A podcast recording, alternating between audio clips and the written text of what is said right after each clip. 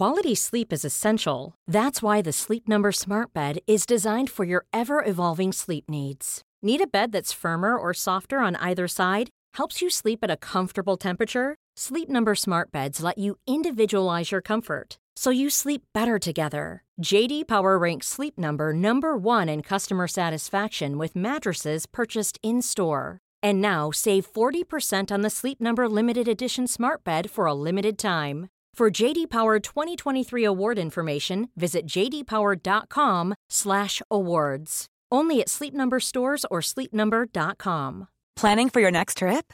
Elevate your travel style with Quince. Quince has all the jet-setting essentials you'll want for your next getaway, like European linen, premium luggage options, buttery soft Italian leather bags, and so much more. And is all priced at 50 to 80% less than similar brands. Plus, Quince only works with factories that use safe and ethical manufacturing practices. Pack your bags with high-quality essentials you'll be wearing for vacations to come with Quince. Go to quince.com/pack for free shipping and 365-day returns. Many of us have those stubborn pounds that seem impossible to lose, no matter how good we eat or how hard we work out. My solution is PlushCare. PlushCare is a leading telehealth provider with doctors who are there for you day and night to partner with you in your weight loss journey. They can prescribe FDA-approved weight loss medications like Wagovi and Zepbound for those who qualify. Plus, they accept most insurance plans. To get started, visit plushcare.com slash weight loss. That's plushcare.com slash weight loss. Synliggör det osynliga arbetet. På de flesta arbetsplatser finns det arbetsuppgifter som behöver göras men som oftast inte ingår i någons arbetsbeskrivning. Nej, och det visar sig att de ofta hamnar på kvinnor. Kvinnor ofta tar på sig att göra dem samt att chefer är 50% mer benägna att be just kvinnor göra de här. I en studie på en amerikansk konsultfirma, då visade det sig att kvinnor lägger en hel månad, alltså ungefär 200 timmar per år, på sånt som inte är en del av deras roll och inte heller är meriterande. Ja, det är skrämmande. Men genom att göra det här arbetet synligt kan det bli mer jämställt. Och hur då? Ja, det ska vi prata om idag.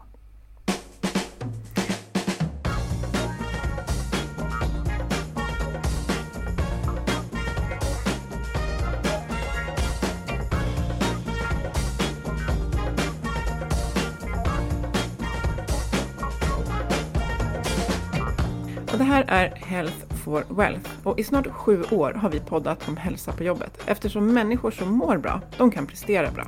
Och för att må bra behöver vi goda samarbeten, rätt resurser, handlingsutrymme och trygga ledare som har tid att leda. Och i podden tar vi med hjälp av våra gäster ett helhetsgrepp på hälsan på jobbet. Vi är Ann-Sofie Forsmark. Jag är hälsostrateg, ledarskapskonsult och driver organisationen Oxigroup. Och Boel Stier, copywriter och kommunikationskonsult. Varje vecka delar vi inspiration, idéer och tips för ett bättre och mer hållbart arbetsliv.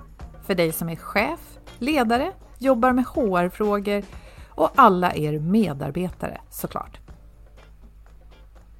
Mm, och vi fyller på med lite skrämmande statistik, eller ja, eh, motiverande kanske. I den årliga rapporten Women in the Workplace som McKinsey ger ut, då såg man 2022 att eh, 70 procent av företagen som medverkade, ja men de tyckte att aktiviteter man gör för jämställdhet och inkludering, det var viktigt. Men när man tittade på eh, om det här var meriterande, då visade det sig att så var det hos mindre än en fjärdedel. Så att viktigt, men vadå, inte så viktigt mm. egentligen? Ja, det är lustigt det där när man säger att någonting är viktigt, men man prioriterar inte att göra det som krävs.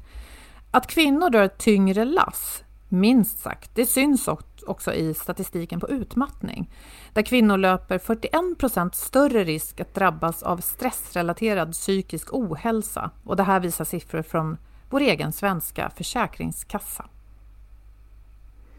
Ja, det här engagerar oss förstås och idag så har vi äran att få väldigt värdefull input och tips på vad man kan göra. Vi har med oss Ida Östensson. Hon är opinionsbildare, jämlikhetskonsult, feminist och föreläsare i jämlikhetsfrågor. Ida är också grundare av stiftelsen Make Equal som jobbar med lösningsfokuserat jämlikhetsarbete. Och hon är också grundare av Fattarörelsen som kämpar mot sexuellt våld och för samtycke i praktik och lagstiftning. Och massa mer. Eh, hon har fått massa priser och omnämnanden och eh, välkommen Ida! Tack för att jag får vara här! Så välkommen! Och eh, alltså att du är engagerad, det märkte jag bara jag liksom läste om dig och vi märker det också såklart. Och vi tänker att det är så många fler som skulle behöva vara engagerade för att driva de här frågorna. Vad, vad är det som har Ja, vad är det som fick dig att börja bli engagerad men också håller, håller lågan vid liv så att säga? Uh, oj, jag skulle kunna hålla en, en timmas föreläsning om bara vad, vad, hur det började. Men um, ja, alltså, för mig började det nog egentligen med att när jag var väldigt, väldigt ung med att jag inte passade in i den typiska tjejrollen. Eh, och ja, på den tiden kallade man det för att jag var en typisk pojkflicka. Jag tog mycket plats, jag hördes mycket, säkert eh, lika mycket som killarna eller mindre, men det räknades ju så mycket mer för att jag var just en tjej. Jag gillade att göra saker som eh, killar tyckte om att göra. Jag gillade att åka skateboard och spela fotboll och brottas på på rasterna och så vidare. Så när jag eh, var sommaren mellan sexan och sjuan så fick jag eh, både Fittstim och Under det rosa täcket eh, av min brors flickvän som var feminist. Och där någonstans var det som att det bara klickade om i mitt huvud att så här, det är inte mig det är fel på, det är samhället. Eh, och ganska fort, jag startade liksom en jämställdhetsgrupp på min högstadieskola redan i sjuan, gjorde enkäter i alla klassrum om sexuella trakasserier och, så, så, och, och lågan hur det har fortsatt. Ja, för att vi tyvärr har ett samhälle. Ju mer man lär sig, desto mer känner man att så här, det här vill jag inte bara göra då och då, utan det här måste jag göra heltid. Och det har jag fått göra i nästan hela mitt yrkesverksamma liv. I, jag startade Jämlikhetsstiftelsen Make Equal för 13 år sedan nu. Och innan det mm. jobbade jag också på olika sätt inom skateboardkulturen med satsningar för tjejer och så vidare. Ja, vad intressant att ja, höra. Och du, det är så intressant ja. Eh, när du nämner den här flickvännen till din bror som ger dig två, ja, för oss som har följt de här frågorna, ganska kända böcker. Mm. Och att de böckerna verkligen gjorde skillnad och fick det, fick, ja, förändrade ditt liv kanske. Det hade kanske hänt senare, vem vet. Men just de här avgörande ögonblicken, förhoppningsvis så kanske din nya bok kan ge samma mm. effekter. Din nya wow. bok heter Allt vi inte ser och den spänner över både privatliv och arbetsliv. Och där har mm. ni då samlat in eh, data som stöd för att skapa en bild av problemet helt enkelt. Och hur gjorde ni den undersökningen och vad var det ni frågade? Ja, vi har gjort lite olika saker, men jag antar att du syftar på vår SIFO-undersökning nu. Eh, ja. Eh, nej vi eh, anlitade Sifo helt enkelt, Kantar Sifo, som gör eh, undersökningar i hela landet. Eh, så i november 2022 så frågade de 1000 personer i åldrarna 18 till 79 år. Och de fick svara på frågor om osynligt arbete i hemmet och på jobbet. Och just när det är en Sifo så är personerna som deltar liksom ett representativt snitt av befolkningen vad gäller spridning i landet och socioekonomisk bakgrund och så. Eh, och på den, eh, vi ställde ju, ja, resultatet tyckte jag var väldigt intressant. Att bland annat oavsett kön så var det endast 17 procent, alltså inte ens var femte yrkesarbetande person uppgav att deras arbetsgivare arbetar systematiskt med det osynliga arbetet, att det ska fördelas jämnt eh, på jobbet mellan könen. Så det är ju en fråga som man inte riktigt har börjat ta i och förstå eh, hur, hur viktig den är för eh, DNI-arbetet, alltså jämställdhet och mångfaldsinkluderingsarbetet. Eh, en annan siffra är att en, endast i snitt eh, cirka 1 procent av de tillfrågade kvinnorna upplever att män i något eller mycket högre omfattning utför det osynliga arbetet i hemmet. Eh, över hälften av de tillfrågade kvinnorna upplevde att de själva i något eller mycket högre omfattning utförde osynliga arbetet i hemmet. 26 procent av männen tyckte att kvinnor eh, utförde det mer. Så det är inte en riktigt samstämmig syn samtidigt som det överlag är att fler oavsett kön tycker att kvinnor gör det mer, men kvinnor upplever att man gör det eh, mycket, mycket mer än männen. Uh, och på jobbet så har man en ganska samstämmig bild över att det faktiskt inte jobbas med särskilt mycket alls. Mm. Uh, det är liksom den ena vi gjort, men vi har ju också jobbat mer uh, brett med enkäter. Alltså vi började hela arbetet med boken för två år sedan, började med att jag och Tor gjorde en enkät. För vi har tidigare skrivit en bok som heter Allt vi inte pratar om. Som eh, riktar sig till killar och män. Eh, allting som händer när män trycker ner känslor och inte pratar om saker. Eh, vi vet att var femte man saknar en nära vän, att män är överrepresenterade vad gäller suicid och mm. missbruk och så vidare, och så vidare, våld, både mottagare och utövare av våld och så. Eh, men vi ville liksom gå vidare och säga okej, okay, nu har män tänkt eh, och liksom pratat och så, men nu måste vi börja med görandet. Men vilka frågor är det som 2020 är de stora jämställdhetsutmaningarna för människor? Och vi fick in över 10 000 svar på dem. Vi gjorde både en enkät som handlade om utmaningar och en som handlade om hacks. Vad har man för lösningar? Liksom. Eh, och där var det ju det som gjorde att vi bestämde oss för att för liksom, eller prata om osynligt arbete. För att varje enskild sak kanske såg som en struntgrej. Liksom. Att så här, ja men min man ser eh, liksom, matlagning som en lång ljudbokspaus medan jag liksom, kastar ihop en rätt med två barn på, eh, som klänger på mig som en Duracell-kanin medan jag också typ kokar nattflaskor och eh, läser läxan med det äldsta barnet. Alltså, Eh, eller på jobbet, alltså jag är den som hela tiden tillfrågas om att eh, springa och köpa lite mjölk eller introducera nya kollegor eller vad det nu är. Eh, och, och, då i det arbetet så hittade vi just de här siffrorna som ni var inne på, Lise Westerlund som är då dansprofessor i nationalekonomi och hennes studier kring det icke-meriterande arbetet på jobbet. Och sen i hemmet vet vi redan att kvinnor lägger runt 56 timmar mer i, i veckan än sina manliga partners. Och det tillsammans, det är det vi ville synliggöra för Make Equal, stiftelsen som jag driver, vi utbildar ju arbetsplatser. Mm. Eh, men de här två påverkar ju varandra och det kommer, kommer jag in på idag. Men liksom, eh, hur föräldraledigheten och vab och hybridarbete och alla de här sakerna, det går ju in i varandra. Mm. Alltså normer som finns på arbetsplatsen tar man hem och vice versa. Så vi ville liksom ta det här holistiska greppet och synliggöra.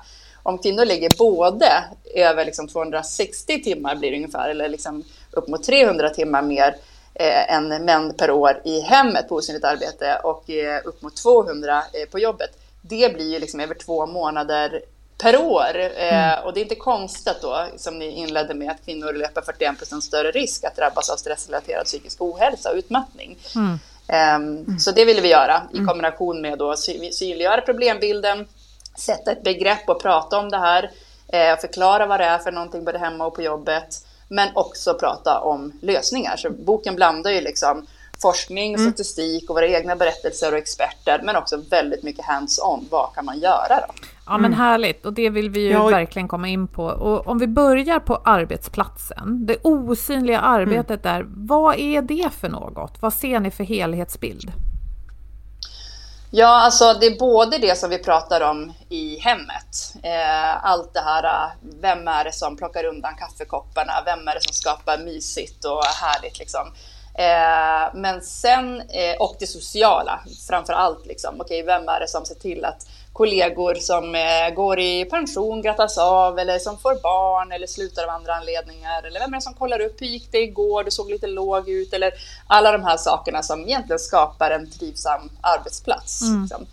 Eh, men det är också sånt som eh, då Lisa Westerlund som jag pratade om benämner som non-promotable work och non-promotable tasks, alltså icke-meriterande arbete. Eller icke-meriterande arbetsuppgifter som vi kallar det på svenska. Och det handlar om saker som hjälper företaget eller organisationen du arbetar på, men som inte ingår i din faktiska arbetsbeskrivning eller företaget och organisationens huvudsakliga uppdrag. Och det görs ofta i skymundan. Det kräver inga särskilda förkunskaper så att de flesta alltså, skulle kunna göra det på arbetsplatsen helt enkelt. Och det leder inte till några professionella fördelar för den som utför det. Och det kan då vara till exempel att vem är det som tar anteckningar på möten? Vem är det som introducerar nya kollegor? Vem är det som förbereder möten? Vem är det som gör den där powerpointen som någon annan får stå och briljera med? Och så vidare och så vidare. Och vi har liksom klumpat ihop då både det här icke-meriterande arbete och allt det här andra som man tidigare kallat bara för osynligt arbete för just osynligt arbete. Mm. Och vi har också sammanställt mm. hur mycket saker som helst på osynligtarbete.se stora mm. osynliga mm. listan i hemmet och på jobbet så man kan liksom kolla mer och läsa vad det kan vara för mm. saker. Gud så bra! Jag, jag gör en första reflektion här, det är att det här som är osynligt, jag kommer tillbaka till det du beskrev från, från den här Kantar Sifo, att eh, eh, delvis är det synligt för, liksom, och nu generaliserar jag, för båda könen, men sen verkar det vara att eh, till större del är det här som bara, bara råkar finnas där, nu generaliserar jag, liksom, raljerar lite, mm. eh, det, det, är mer sannolikt att män liksom inte reflekterar över att det här arbetet görs. Mm. Eh, för kvinnor ser mer att det finns och också att de gör det. Så mm. det är ju liksom, det är så flera förändringar på något sätt som behöver, alltså att först måste det göras synligt, vilket mm. eh, jag också tycker är så intressant, för jag som har varit inne på den här osynligtarbete.se och den här listan, liksom att den, den hjälper de här konkreta. Eh, men sen också, okej, okay, sen ska vi ha en förflyttning också på eh, hur, hur, vi gör det här, eller att det liksom blir mer meriterande. Men just det där att det är lite, nej men jag har inte funderat på hur det här bara uppstår, eh, finns där, är på mm. plats. Det bara mm. sker. Mm. Liksom. Det, det sker alltså man kan säga att det osynliga arbetet är det som skapar ett fungerande och trivsamt hem och ja. arbetsplats. Men det är också det ja. som syns först när det inte görs. Ja. Just. Så, så när kaffet så. inte är på på morgonen, då blir alla sura. Ja, det men, men, det är inte så att ja. någon kommer in på morgonen, kanske så ofta, och säger Åh, vad härligt att kaffet är på. Vem var det som satte på det? Åh, tack Ida. Ja, nej, jag har faktiskt... borde jag göra imorgon. ja, nej, jag har faktiskt en, eh, en kompis med mig som jobbar på ett stort eh, företag. Och var, hon börjar tidigt, så varje gång hon kommer in så är det här kaffet på. Och en dag så kommer hon lite extra tidigt. Och då så kom hon ju dit medan en kvinna stod och fixade kaffet. Och då sa hon, är det du som sätter på kaffet varje morgon? Då sa hon, ja. Och sa, men du dricker ju inte ens kaffe själv. Då var det en kvinna som inte ah. drack kaffe. Och hon bara, nej, men jag tycker att varje anställd arbetsplats ska ha nybryggt kaffe på morgonen. Och hon har gjort det här liksom år ut, år in och ingen ah. jäkla undrat vem det är. Det säger någonting liksom. Mm. Och det ah. är ju någonting som, alltså, ni vet ju själva, man kommer in, kaffe finns. Mm. Alltså det, mm. ja. Jo, men, det är inte skitgöra så att säga. Nej, det är viktigt. Nej. Men jag tänker också det här du sa, vem som helst kan göra det. Och det är möjligt att alla kan lära sig hantera en kaffebryggare. Men jag skulle vilja påstå att det här att komma ihåg födelsedagar, att, att komma ihåg att man ska skicka en blomma när någon har hamnat på sjukhus. Det kanske mm. vem som helst kan göra. Men att, att faktiskt leverera det här arbetet, det tror jag inte alla är så lämpade för eller riktigt förstår hur man gör. Så jag tycker ändå att det är en social kompetens som man borde värdesätta. Och jag ska säga att jag tror att det svåraste är tvärtom, att komma på att det ska göras. Alltså för det pratar vi mycket om i boken, att, så här, att utföra, det ser vi inte så stor skillnad i om någon frågar så här, kan du göra det? Liksom. Men det handlar ju om det här att, att, att tänka det, att planera det. Alltså, det är därför man pratar om att kvinnan är projektledare, många pratar om familjens projektledare säger upp sig och så vidare. Mm. Och mm. Det, det är den kompetensen, den emotionella intelligensen, ursäkta, som vi skriver mycket om i boken. Och Tor, då, min medförfattare till boken, i ett kapitel så skuggar han en kollega som han vet, mm. liksom, han märker ju, hon gör saker, men hur mycket gör hon och vad är det hon gör? Så han börjar skugga henne och bara gör en lista på allting. Så sätter han sig med henne och säger så här, det här har jag sett att du gör, kan du hjälpa till att fylla på? Så fyllde hon på ännu mer liksom. Och sa, nu tar jag över det här ett tag. Så testade han att göra det här och han tyckte det här är helt oumbärligt. Jag hinner inte göra det ja. arbete som sen jag ska sitta och prata med min chef om på medarbetarsamtalet som mm. faktiskt kan leda till karriärutveckling ja. och eh, befordring och så vidare. Så då tog han upp det med chefen att det här måste vi sätta på rotation, liksom skapa system kring. Det här kan inte Andreas, som hon då hette hans kollega, sitta och göra. Det är omöjligt. Eh, alternativt så ska det in i hennes arbetsbeskrivning och andra saker ska bort och det ska liksom värderas och ja, premieras. Skulle det kunna mm. vara meriterande, eh, tänker ni? Alltså det är bara en öppen fråga. Därför att det är också så klassiskt att jobb som kvinnor ofta gör, som att tvätta, städa och diska, vi ser det bara när det inte händer. Vi kanske inte riktigt uppskattar kvaliteten och hantverket, för det är det ju. Men skulle det kunna vara meriterande att man, att man tar det här ansvaret för födelsedagar och skickar blommor och, och liksom ta hand om människor?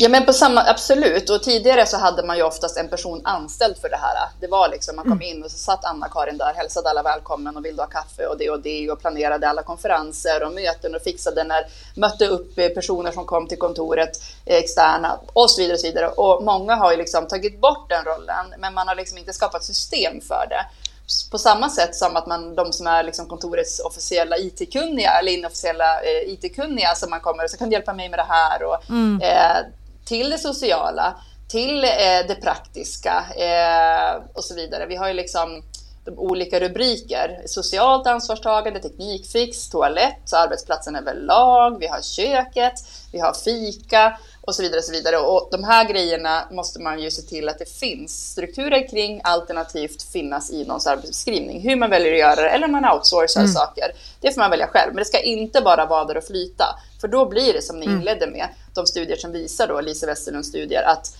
kvinnor tillfrågas 50 procent oftare och är 50 procent mer benägna att säga ja. Men inte bara det. Utan då kan man tänka, men då kan kvinnor bara börja säga nej. Nej, för kvinnor bestraffas också mycket mer än vad män gör. Ja, män premieras när de säger mm. nej. För dem är det så här, ja, han har så viktiga saker så han hinner inte det här såklart. Det blir mer ett tecken på att han är så himla viktig. Mm. Medan för henne så blir man till och med mindre omtyckt som kollega när man säger nej. Så därför kan inte lösningen ligga på kvinnor utan det måste ligga på organisationsnivå. Så Mm. cheferna mm. behöver uppmärksamma det här. Och vad ska man börja då? Om man nu har en person på ett lite, lite mindre arbetsplats som idag har de här ansvarsområdena det kanske inte står i arbetsbeskrivningen. Ska man börja med att fråga henne, är det här något du vill göra? Eller vad tycker du Ida? Nej, för hon kommer säkert säga ja, ja, absolut. Ja, precis. Eh, ja. Det här har vi fått lära oss i all historia. Alltså, vi har också med i boken liksom några inledande kapitel, så varför är det så här då? Alltså, kvinnor har ju i, i, alltid, liksom, vi har ju i historiskt, vi har sett våra mödrar och farmödrar och alla liksom tar det här ansvaret. Och normer är seglivade alltså. Eh, och, men kvinnor har samtidigt som vi har den yttersta kontrollen i hemmet och liksom har haft den arenan som vår, också tagit oss in på männens arena och börjat jobba och blivit liksom fulltidsarbetande yrkeskvinnor. Eh, så vi har tagit oss in och förstått fördelarna på med männens arenor, men männen har inte förstått och tagit sig in på samma sätt på kvinnans arenor. Så att det som är problemet är att kvinnor nu gör dubbelt både hemma och på jobbet. Så att vi har liksom kommit, tidigare feministiska rörelser och så vidare, kämpat för att vi också ska få komma in och tjäna vår egen lön och inte vara liksom ekonomiskt beroende av männen och så vidare. Men i det här nya läget så eh, går vi sönder för att vi ansvarar för för mycket. Mm. Vi måste också få in männen att förstå att Alltså var tredje barn har en pappa som inte ens har tagit ut 30, sina 30 dagar i föräldraledighet. Kvinnor tar ut eh, över 70 procent av föräldraledighet och vab och så vidare. Kvinnor har lägre pension. Alltså vi gör mer, men vi får mycket mindre eh, i all... Alltså, kollar man på ägande och så vidare hela vägen mm. så, så blir det sämre för oss. Mm. Så att vi tänker att så här, vi måste se helhetsbilden. Eh, mm i det här. Och det här nya landskapet nu när man kollar om hybridarbete som kan ses jättebra att så här, av de av oss som kan då hybridarbeta. Kvinnor väljer det i högre utsträckning än män. Och det finns ett, en bra sak med det. Det är att färre kvinnor, visar det sig än så länge i alla fall, eh, väljer att jobba deltid då, eh, vilket också är en kvinnofälla ju för mm. pensionen och lön. Mm. För att man hinner med mycket mer när man slipper liksom, resa till och från jobb Eh, och man får livspusslet som många kallar det då att gå ihop. Man slipper, man bara... slipper brygga de andras kaffe. ja. Men problemet är då att då gör man samtidigt middagen, kanske under sin egen lunch, ja. man stänger i en tvätt, man är mycket mer flexibel med att hämta och lämna barn, mm. vabba, vobba, allt det här liksom. Vilket gör att kvinnor gör ännu mer i hemmet än man redan gör. Och forskning visar också att de som faktiskt befordras och som eh, liksom får de här eh, spännande jobbuppgifterna liksom, uppgifterna och så, det är de som är nära ledningen, som är nära de som fattar beslut och kan syn, alltså synas på arbetsplatsen. Mm. Eh, så män då som redan har fördelar på jobbet får ännu mer fördelar på jobbet. Så om vi inte är medvetna om vad, liksom, den ojämställdhet som kan komma av hybridarbete så, så ska vi inte införa det. Vi måste liksom vara medvetna om det här innan. Mm. Ja men det är knep. Jag, jag tänker också jag, jag, tänker lite på att vi skulle behöva alla reagera lite som du gjorde där när du var, hur gammal du nu var när du läste de här böckerna. Eh, att att liksom, det räcker inte att eh, kvinnor blir irriterade, och, liksom, utan båda, eh, båda könen. Eh, och jag tänker om du har sett framgångsrika liksom, vad ska man säga, insatser för det här på arbetsplatsen, eh, kan du se något mönster i hur de har initierats? Har det varit liksom typ ett uppror, eller, eller är det att någon i mer, alltså i ledande position har tagit tur, eller hur, hur kan man, finns det framgångsfaktorer för att faktiskt få en förändring? Ja, alltså jag måste säga att jag, vi har sökt eh, just arbetsplatser som jobbar bra med det här. Eh, och det är antingen de som har anställt personal för det, som liksom, jag faktiskt inte har så mycket slask som trillar ut på andra. Eller så är det någon som, de som har jobbat väldigt länge och mycket med de här frågorna. För att om man har börjat ta tag i de andra stora puckarna som många jobbar med, allt med liksom omedvetna fördomar och man jobbar med att kompetenshöja ja. personalen i alla frågor och man jobbar med lönekartläggningar och man har liksom, eh, nätverk och så vidare. Och så vidare. Då kanske man också börjar se, shit, vi kommer till nästa lager, det här osynliga. Men det är fortfarande väldigt mm. få eh, som har gjort det. Eh, så att vi har inte mm. jättemånga bra eh, exempel på det. Ska jag säga. Men många kanske har så vi har, vi har bra, på vissa delar till exempel, man kanske tänker att vi har köksveckor, vi har rotation där och så vidare. Men man kanske inte tänker på att det är alltid samma personer som tar anteckningarna eller som skolar in i personal eller som står för det. Och jag tror att det som är mest eh, dolt, det är det sociala. Eh, vem som, ja. eller vilka som faktiskt tar det ansvaret. För det är mycket mer svårt att, att mäta på helt enkelt. Mm. Ja. Och där läste jag i er bok också, hjälp mig nu säga rätt, men att eh, kvinnor generellt då tycker att det är viktigare att vi är sams och har ett, ett fint eller gott eh, samspel i organisationen. Och jag tänker någonting som vi lär oss mer och mer om, det är ju att det här sociala är en så otroligt viktig grundplatta för att prestera, både när vi har en lågkonjunktur som det pratas om nu, eller är mm. i nu. Eh, visst, visst stämmer det och vad var det för, ja, hjälp mig med att det stämde. Nej, men jag tror inte att vi har skrivit det faktiskt, eh, om jag inte har Inte? Då läste jag det någon annanstans. Ja, men, men, det låter ju som att eftersom att kvinnor hela tiden också fått lära sig att ta det här sociala ansvaret, så är det klart att det är viktigare för oss att göra det i, i alla delar mm. av vårt liv. Alltså vi vet ju att kvinnor tar det ansvaret i familjen, men vem är det som har kontakt med släkt och vänner? Alltså, oftast vid separation så står ju mannen där och bara så här, men vänta nu, vad händer med mitt sociala nätverk? Jaha, det är liksom min fru som har ansvaret för det. Så att jag står här ensam, som vi var inne på, var femte man saknar en nära vän och det blir liksom vid separation ofta så blommar kvinnor och män blir väldigt deprimerade eh, liksom, och det sociala mm. nätverket mm. minskar. Och eh, mm. det är just det, för då slutar det göras och då märker man det. Och samma sak på, på arbetsplatser, att om det är någon som hela tiden fixar det här och ser till mm. att eh, det faktiskt eh, händer så, så behöver man inte ta det ansvaret själv. Eh, men vi mm. tror att, att det här är ju inte bara bra för kvinnor som tar eh, liksom, eh, merparten av det, utan också för männen. För jag tror att alla mår bra av att öva på den emotionella intelligensen och ta det sociala ansvaret. Eh, Jag tror att alla eh, trivs bättre men också känner, alltså blir mindre irritation. Eh, trevligare på jobbet och det slipper vara någon som blir pratad bakom ryggen att den aldrig frågar hur är läget eller som ser hur man mår och så vidare. Och knyta nära band vet vi är bra för alla. Liksom. Ja, jag tänker mm. att det här eh, sociala, eh, den uppgiften att hålla koll på, ja men det här vi sa, födelsedagar, hur folk mår och så. Jag tycker inte det är mm. fel. Mm. Jag tycker verkligen inte att det skulle vara fel att det skulle stå i en arbetsbeskrivning att det här är en del av, av ditt jobb och att du också utvärderas på det och att du får då löneförhandla bland annat beroende på hur väl du har presterat det här jobbet. Jag menar, ja, dit måste vi väl komma. Ja, men man, man pratar ju också om det här med chefskap och medarbetarskap. Alltså det är en term man pratar mycket om.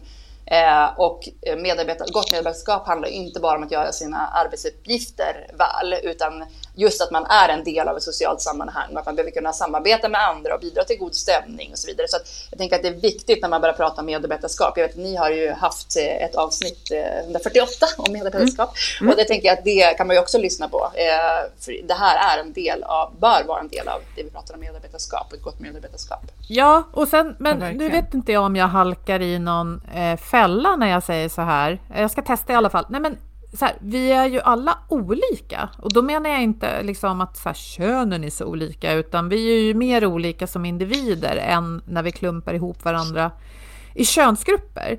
Men det jag vill komma åt är att alla kanske inte är lämpade för att vara den här sociala personen som, det, det, det hävdar jag i alla fall, utan det finns människor som helst vill sitta i ett hörn och göra det de ska liksom. Och kanske behöver få jobba ja, det... Mm. Ja, och det, där måste man ju bestämma. Man kan ju inte kräva av alla att alla ska styra upp en fest varje gång de på arbetsplatsen har namnsdag. Alltså det svarar till exempel eh, facket. Vi, har med, eh, vi frågar facket om vad kan man stöd mm. därifrån. Och där är de noga med att man måste också bestämma då vilka grejer bör vara en del av medarbetarskapet som ska göras på arbetsplatsen. Och eh, sen så får man, vill man ändå då gratta någon på namnsdagen, ja, men då måste det vara ett eget val. Vissa grejer måste vara utöver. Eh, men däremot så kanske det inte ska vara så att man förväntas att alla som slutar ska få avtackning. Man förväntas att eh, ingen ska vara ensam på lunchen och bjudas med, men det är bara vissa som tar det ansvaret och det är ja. inte inlagt i arbetsbeskrivningen eller i medarbetarpolicyn och så vidare. Men... Så att man måste vara tydlig på arbetsplatsen. Vilka delar ska och då eh, så har alla mm. ett ansvar i det. Så. Ja, och jag tänker att mm. man brukar ofta prata om att när saker är viktiga, då är det ju ledarna som måste börja. Och att komma Verkligen. ihåg födelsedagar kanske man inte kan kräva av alla chefer. Men att prata om sånt här som att vi ser väl till att ingen blir ensam på lunchen om man inte vill det. Det kan ju mm. vilken chef som helst ta upp ofta. Ja. Ja, men också som vi har en av punkterna i listan är att griper in vid dålig jargong eller dåligt beteende etc. Alltså det är ju också kunskap. Alltså det här måste vi också fortbildas i internt. Eh, vi vet ju att, att, att, kunna gripa in har vi också olika lätt vid, liksom, eller för. Men övar man på det och får man kunskap och, och medvetande görs man om det. Till exempel i boken så har vi också eh, med både härskartekniker och främjartekniker och så vidare. Så vi, med den här boken vill vi också lära, för vi har också olika grundförutsättningar och kunskap om mm. de här frågorna. Mm. Den är, jag som jag berättade för dig, jag började läsa den eh, typ halvvägs in eh, och du och Tor har verkligen gjort ett fantastiskt jobb därför att man får just de här konkreta tipsen och eh, jag tänker om man försöker liksom, alltså först så här, inse att det här eh, pågår och sen att på vår arbetsplats så behöver vi synliggöra det här mm. som är osynligt, kanske inte för alla, för någon kanske är fullt medveten om att jag går runt och gör allt det här, men har inte kraften själv att förändra och sen liksom få till eh, få till liksom en förändring. Men man måste ju först få upp allting på, och liksom enas om, ska det här liksom göras? Ska vi ha namnsdagstårta? Kanske alla bara, nej varför har vi dragit igång det? Det kan vi ja, ta bort. Men exakt. däremot kaffe på morgonen, och det ska inte ligga på, eh, på, liksom på en individ. Men alltså man blir ju så, eh, eftersom jag hade det här i åtanke igår så satt jag och tittade på Idrottsgalan och eh, då var jag kanske extra kritisk. Men jag, jag, jag gjorde en liten eh, studie av hur liksom Eh, nu, nu, kom, nu är jag ute på riktigt djupt vatten, men man ska vara modig. Jag upplevde en liten skillnad i hur eh, en kvinnlig pristagare då hanterade liksom applåder, att liksom nej, nej, nej, liksom. Mm. Och sen kom det upp en man efteråt och bara stod och bara, bara väntade tills mm. det blev tyst. Liksom. Bara, inget, men så här, alltså, när man bara har de här glasögonen, mm. jag säger inte att något av det var rätt eller fel, men man mm. ser så mycket som bara, alltså man kan bara fråga, varför är det ofta så? Mm. Liksom? Mm. Varför är det ofta så. Mm. Liksom. Och det skulle vara också intressant um, att mäta på hur kvinnor eh, versus män Eh, hur många de tackar och, och tar det ansvaret för de delarna. är det liksom, jag tackar min familj och mig själv för att jag orkat det här eller är det så här och den producenten och den tränaren och den, att vet, så här, eh, ja. ja. jag kan tänka att det är en skillnad där också. Nu såg jag inte Idrottsgalan men eh, Nej, där, där, där reagerade jag inte på det igår faktiskt, tyckte det var väldigt, men jag, jag såg inte allt, men det var bara eh, någonting jag tänkte på just då. Men alltså just att ta på de där glasögonen en stund varje dag, eh, Eh, jag tänker på, vad heter den här filmen från, som ska vara från 70-talet? Heter den Tillsammans? När mamman nattar barnen och bara, nej men vänta nu, varför har du rosa och du blått? Och, liksom, och, och, varför, nej vänta nu, nu ändrar vi om. Så Alltså, ja, att man måste, men just att uppmärksamma. Ja, och jag, skulle vilja, eh, eh, jag skulle vilja uppmana framförallt om du är kvinna, kanske man också om du har fastnat i den här eh, fällan och, och är lite yngre. Mm. Att, att du tänker till när du har lyssnat på det här avsnittet. Jag vet att jag i många sammanhang jag hade mitt feministiska uppvaknande vid 17. Det var också en bok, Ida. Eh, mm, och sen, vilken? det, det, kan vi prata om sen. ja, men det var okay. en Erika Jong-bok kan jag väl säga i alla fall. Aha. Mm. Mm. Eh, gammal 70-tals, 60 och 70-talsfeminist. Eh, men, men... Läsa knullet, vad heter den? Ja, men det var inte den. Det var en annan bok. Nej, okay. Men den okay. läste jag också. Den hade jag lite svårare att förstå. Eh, men jag tror jag läste den för ung. Hur som helst. Nej, men jag har eh, ta, liksom jag har bestämt mig för vissa saker. Som eh, där jag jobbar nu. Vi har en diskmaskin. Den töms eh, ofta av en städare på morgonen, men sen blir den full och sådär. Eh, jag har liksom bestämt mig för att det där ska jag bara göra det jag måste för att vara en schysst medmänniska. Alltså, jag ska verkligen så lite som möjligt hålla på med disk. Och gränsen mm. går liksom vid att, att jag blir en dålig eh, kollega. Så det är självklart att jag bär bort kaffekoppar ibland. Men jag liksom, jag vill inte ha mitt fokus där. Jag ska jobba för det är det som drar in pengar till oss och betalar min och andras lön. Och samma som när jag höll på väldigt mycket med fallskärmshoppning i många, många år. Det vet några av er som har lyssnat och, och liksom tävlade och, och bodde på den här fallskärmsklubben. Eh, så såg jag ju att även om vi var ungefär lika många män som kvinnor i klubben, så de som tävlade och satt i flygplanet ofta, det var ju mycket, mycket färre kvinnor. Men det var många fler kvinnor som liksom gjorde det där extra jobbet i köket, trots att det var mm. uttalat att det skulle man hjälpa till med. Så jag bestämde mig för att mm. jag ska diska mina grejer, men jag tar inte extra för någon annan. Och det här kan ju någon tycka är fel, för att om alla tar det här lilla extra, då funkar det. Men jag tänker att vi som liksom kommer ur underläge, vi får också lite strejka, tycker jag. Vad säger du om det Ida? Jag förstår, Nej, men jag tror inte att lösningen är så på individnivå, för då kommer vissa kvinnor som har fått det där äh, Erika Ljung-bevaknandet kunna göra det, eh, men inte andra kvinnor. Då kommer andra kvinnor göra än mer, utan jag tror verkligen att det här måste om man upptäcker det här, istället för att ta en mindre diskning, mm. ta det med chefen och se skapa struktur. Jag tror att den lösningen är mycket mer hållbar för sig själv men också solidariskt för alla andra kvinnor på, på arbetsplatsen. För det kommer inte vara en man som helt plötsligt står där och viskar efter dig sen det du i valet inte gör. Fan vad synd att du sticker hål på min bubbla. Nej men eh, jag menar i hemmet funkar det där bra för då är vi två liksom, ja. om du lever i en heterosexuell relation. Men på jobbet funkar det inte lika bra. Utan jag tror att vi behöver börja prata om fördelarna eh, med det här. Alltså som arbetsgivare att ta det här på allvar. Det är ju viktigt utifrån att man alltså det, det, är viktigt för att använda personalens kompetens på rätt sätt, att dela lika på det här icke-meriterande osynliga arbetet. Det ger också förutsättningar för likvärdig löne och karriärutveckling, för all den här tiden som kvinnor lägger på det här övriga som inte är en del av ens arbetsbeskrivning kommer ju alltså ta tid från det man faktiskt ska göra. Det skapar bättre trivsel som vi var inne på ja. och verkligen eh, för arbetsgivare. Det förebygger eventuell utmattning och är en viktig åtgärd för att sänka sjuktalen bland kvinnor och därmed också sjuklönekostnaderna och eventuella nyrekryteringskostnader för organisationen i stort. Det gör att färre säger upp sig och det ger arbetsplatsen gott rykte så att fler människor vill söka sig dit. Och tar man de här frågorna på allvar, vill man jobba med jämställdhet eh, och inkludering, jämlikhet, mångfald så är det här A och O. Mm. För det är faktiskt inte bara kön. Det finns ju också studier som visar på att kvinnor som rasifieras som svarta eller bruna gör än mer av det mm. osynliga arbetet än vita kvinnor. Så det finns inte jättemycket forskning och studier kring det här, men jag kan ju bara tänka mig, de studier som finns visar åt det hållet. Skulle det göras mer studier och mätning på det så skulle det liksom synliggöras än mer. Säkert hur länge man har varit på arbetsplatsen ja. eh, och de delarna men, också. Men Ida, Eh, jag, jag medger att du har helt vunnit den här argumentationen. Min strategi är nog inte den bästa. Men eh, om jag bara får lägga till, pröva en tanke på dig, för att det du säger stämmer ju. Jag är helt med. Sen kan det väl vara så att om man då både är ung och, ja, du fattar, man, man står lägst i rang då ändå på arbetsplatsen, så kan det vara lite tufft att lyfta de här frågorna. Och då om jag går tillbaka till mig eh, för 20 år sedan, då skulle jag kanske säga så här, om du inte har kraften och orken mm. eh, att lyfta mm. det här med någon som är beslutsfattare.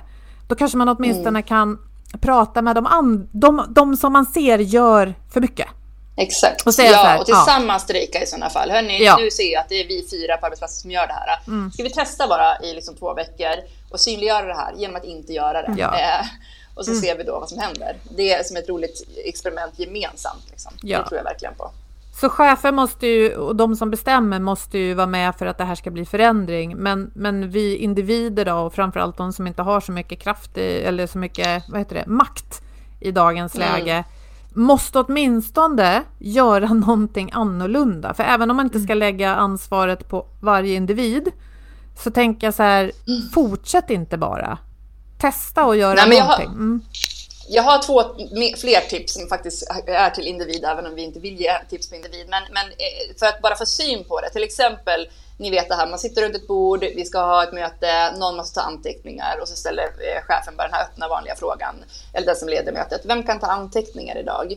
Det är alltid en kvinna som till slut rycker upp handen, ja men jag kan göra det igen. Liksom. Eh, och om det är så svårt att inte säga det, jag kan, för vissa har den här obekväma tystnaden är mer obekväm för vissa. Liksom då kan man använda de obekväma sekunderna till att titta runt bordet och se vad gör männen runt bordet de här sekunderna eh, där frågan ställs.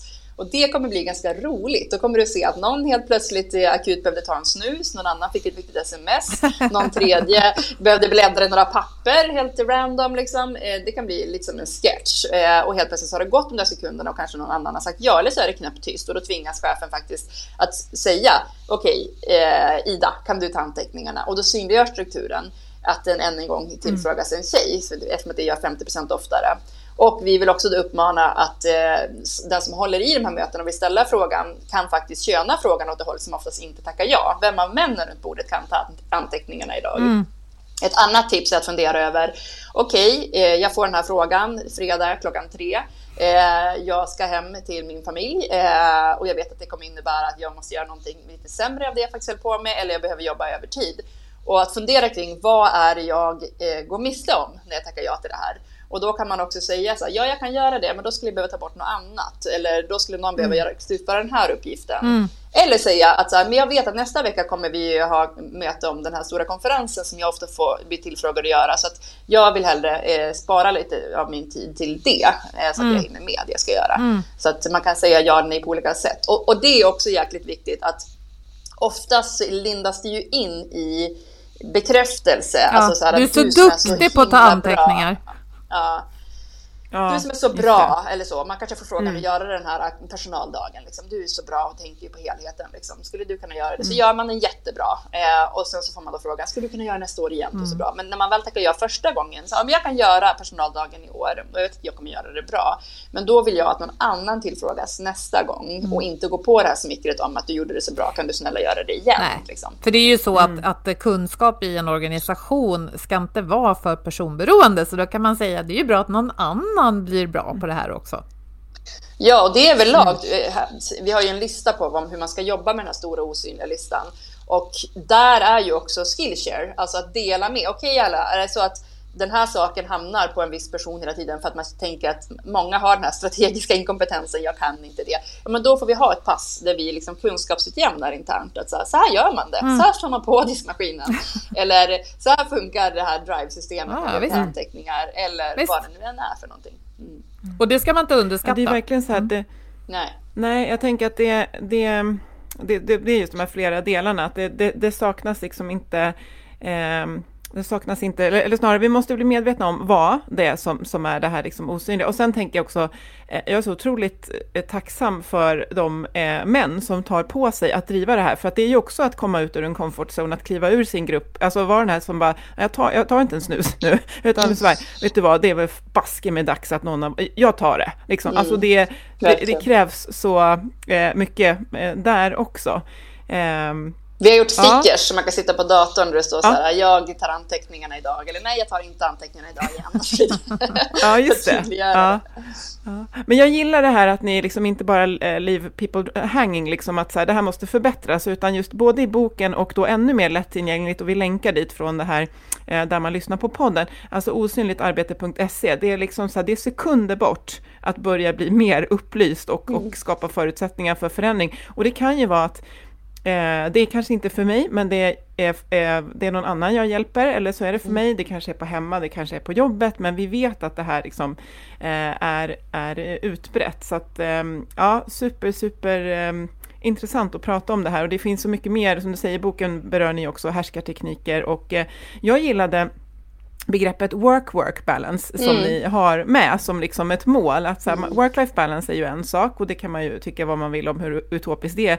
Men att jag ska också ha work-work balance på mm. jobbet. Alltså en balans mellan att jag gör mina meriterande arbetsuppgifter och sånt som då kanske är icke-meriterande, men kommer att bli meriterande förhoppningsvis, eller fortsätter att inte vara det, men att vi delar på dem då på Exakt. ett bra sätt. Så att work-work balance gillade jag. Mm. Men också, eh, vi, har ju, vi har väldigt mycket fakta i boken som jag tror är viktigt, för många kan tänka att det här är ett individuellt fritt val. Alltså, nej men jag älskar ja. att baka bullar varje morgon till arbetsplatsen, eller jag älskar att vara föräldraledig, jag tar gärna hela och så vidare. Men det som eh, ja. är det här individuella fria valet, om man ser det i en struktur och vad det faktiskt leder till. Alltså att vi vet att kvinnor bara får ut 72 procent av männens pension. Mm. Och att vab och föräldraledighet där kvinnor tar 70 procent gör att kvinnors karriärsutveckling avstannar i 30-årsåldern medan männens tar fart.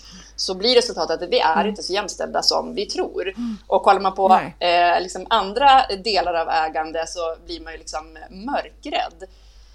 Vi har ju eh, typ eh, allt kring liksom ägande mm. i um, aktier eller i mark, fastigheter fast, mm. eller i mark. Alltså det, det, ja. det, det, är liksom på, på, på alla nivåer. Och jag tror att om man får syn på alla de här delarna så blir det inte så här då kanske man ska tänka att det som funkar bäst nu är det jag vill göra, utan så här, jag behöver tänka lite längre. Kvinnor, alltså vi har liksom flest ehm, eh, fattigpensionärer, alltså kvinnor i Norden i Sverige. Eh, ja. När vi pratar om liksom, vi är på vad är det, femtonde plats nu. Alla pratar om Sverige, Sveriges mest jämställda land, men ekonomiskt eh, så är vi på femtonde plats nu. Alltså, mm. vi, behöver, vi kan inte luta oss tillbaka och tänka att det här är löst. Liksom. Nej, och det är väl lite nej. som eh, miljön eller vad som, alltså, nej, men jag tycker ändå miljön eh, och klimatet är en bra parallell därför att vi delar ju på den här jorden och när vi spyr ut någonting i luften så spyr vi ut i liksom hela planetens luft. Så att när jag gör mm. någonting bara för att det är jobbigt att förändras, ja men då bidrar jag inte mm. till hur mina döttrar och nästa generation ska få Exakt. det. Så att vi har alla eh, mm. ett delansvar, helt klart. Och jag vill bara säga... Och en sån sak... Ja, förlåt, Nu blev vi båda uppeldade där. Jo, men ja, det här med ägandet som du sa, Ida. Eh, jag minns inte vad de heter nu, men det är ju några som har sammanställt det här. Ownership. Ja, eh, ja tack. Mm. Vem äger Sverige heter den eh, rapporten, tror jag att den är. Och den, den mm. rekommenderar jag till alla. Vad ville du säga Ida? Ja. Nej men alltså om man vet då till exempel att för varje månad som eh, män är föräldralediga så ökar mammans framtida årsinkomst med nära 7 procent. Alltså bara sådana där saker. Oh. Ja, det är en ganska ja. stor siffra och jag tror att mm. om man har mer fakta eh, så, ja. så kommer det liksom kännas att det här måste vi göra någonting av. Och även om jag väljer då att mm. jag behöver vara föräldraledig hemma eh, mer mm. liksom, än min, eh, min manliga partner så måste mannen i så fall pensionkompensera mig. Alltså, för det är också jäkligt intressant att kvinnor som till exempel är egenföretagare eller chefer eller pluggar, de kan ta allt för de, har, de kan styra själv. Medan män som är föräldrar ja. eller som är egenföretagare, pluggar eller chefer, de kan inte vara föräldralediga på något sätt. för de är ju egna. Jag har också hört det där, liksom ja. helt olika argument för ja. samma situation. Ja. Väldigt intressant. Och kvinnor, man kan ju heller inte säga så här, ja, men han tjänar mer så det är mer liksom, gynnsamt för oss om jag är föräldraledig mer. För att kvinnor som tjänar mer än män tar fortfarande ut mer föräldraledighet. Så det är mm. framför allt arbetsplatsens normer som styr föräldrauttag, föräldraledighetsuttag. Mm. Eh, så på en arbetsplats där eh, män tar mycket föräldraledighet kan män ta mer föräldraledighet. Och för kvinnor mm. tvärtom, alltså där finns det en ganska stark ettårsnorm. Alltså du ses som en dålig mamma om du tar ut mindre än ett år mm. eh, om man inte har gjort upp med det på arbetsplatsen. Och där är cheferna jätteviktiga i det. Mm. Mm. Ja, Om men, inte gör det medvetet helt ja, enkelt. Fantastiskt. Tack för att du ville komma Ida. Och vi kan ju säga, ja. det vet inte ni som lyssnar, men vi hade ganska mycket teknikkamp innan vi kunde dra igång. Så jag tackar dig så mycket för att du orkade med det också Ida. Tack för att jag fick vara med. Ja. Tack för ert otroliga arbete i så många år. Ja. Ja, men eh, det är samma får vi säga. Och, eh, som sagt, rekommenderar varmt att eh, läsa boken och som sagt, vi länkar till där ni redan kan komma igång. Som sagt, ta bara några sekunder att bli mer upplyst och komma mm. igång. Och för att inte och, bli projektledaren ja. själv igen kring det här, så, så skicka osynligt arbete-länken och tipsa om boken till chefen och till den manliga parten om du lever i en heterosexuell relation och säg du tar lid på det här och jag följer efter. Ja, bra, bra slut. Jag, jag vågar inte göra det privat därför att det kommer synliggöras att jag inte gör ja, men, lika mycket hemma. Så det, jag, jag ligger lite lågt där. Nej. nej, nej. Och jag tror att du kanske tror det mer eh, än vad det faktiskt är. Eh, på tal om vi mäter taltid och det här med kvinnor. När man tror att vi pratar mer så är det fortfarande inte så. Mm. vidare. Så jag tycker ni ska börja mäta så kommer du kanske bli lite chockad också. Ja, men det är intressant. Ja, jag, jag kan faktiskt våga påstå att i mitt fall så är det det, det, är, det är fantastiskt, men det, det, är ju det är så det ska vara, tänker jag. Det är så som jag upplever att det ska det ju vara. Men jag ska titta på den definitivt, men jag tror jag kommer åka på smäll. Nej. Eh, vi har ju en eh, samarbetspartner också i motivation.se och det finns jättemånga artiklar där om jämställdhet från olika vinklar. Eh, och eh, idag så har vi valt en, jag är lite partisk igen då, men jag har ju en Oxigrupp-kollega, Urban Björn, som är ute och eh, ruskar om ledare, ledningsgrupper, arbetsplatser med de här frågorna.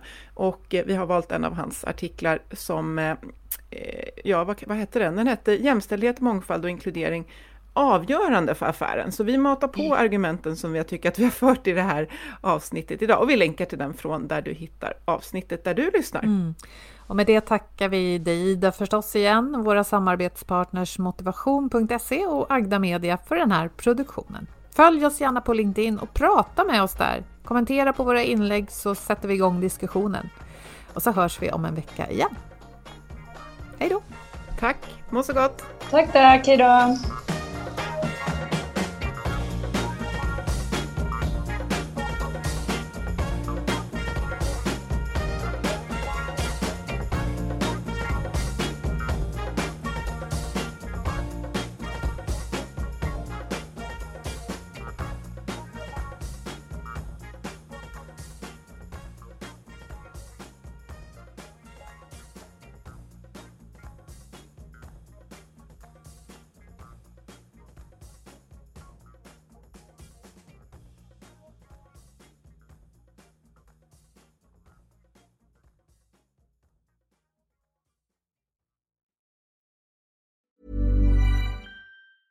Mom deserves the best, and there's no better place to shop for Mother's Day than Whole Foods Market. They're your destination for unbeatable savings, from premium gifts to show-stopping flowers and irresistible desserts. Start by saving 33% with Prime on all body care and candles. Then get a 15-stem bunch of tulips for just $9.99 each with Prime. Round out Mom's menu with festive rosé, irresistible berry chantilly cake, and more special treats. Come celebrate Mother's Day at Whole Foods Market. A lot can happen in the next three years. Like a chatbot may be your new best friend. But what won't change? Needing health insurance. United Healthcare Tri Term Medical Plans are available for these changing times.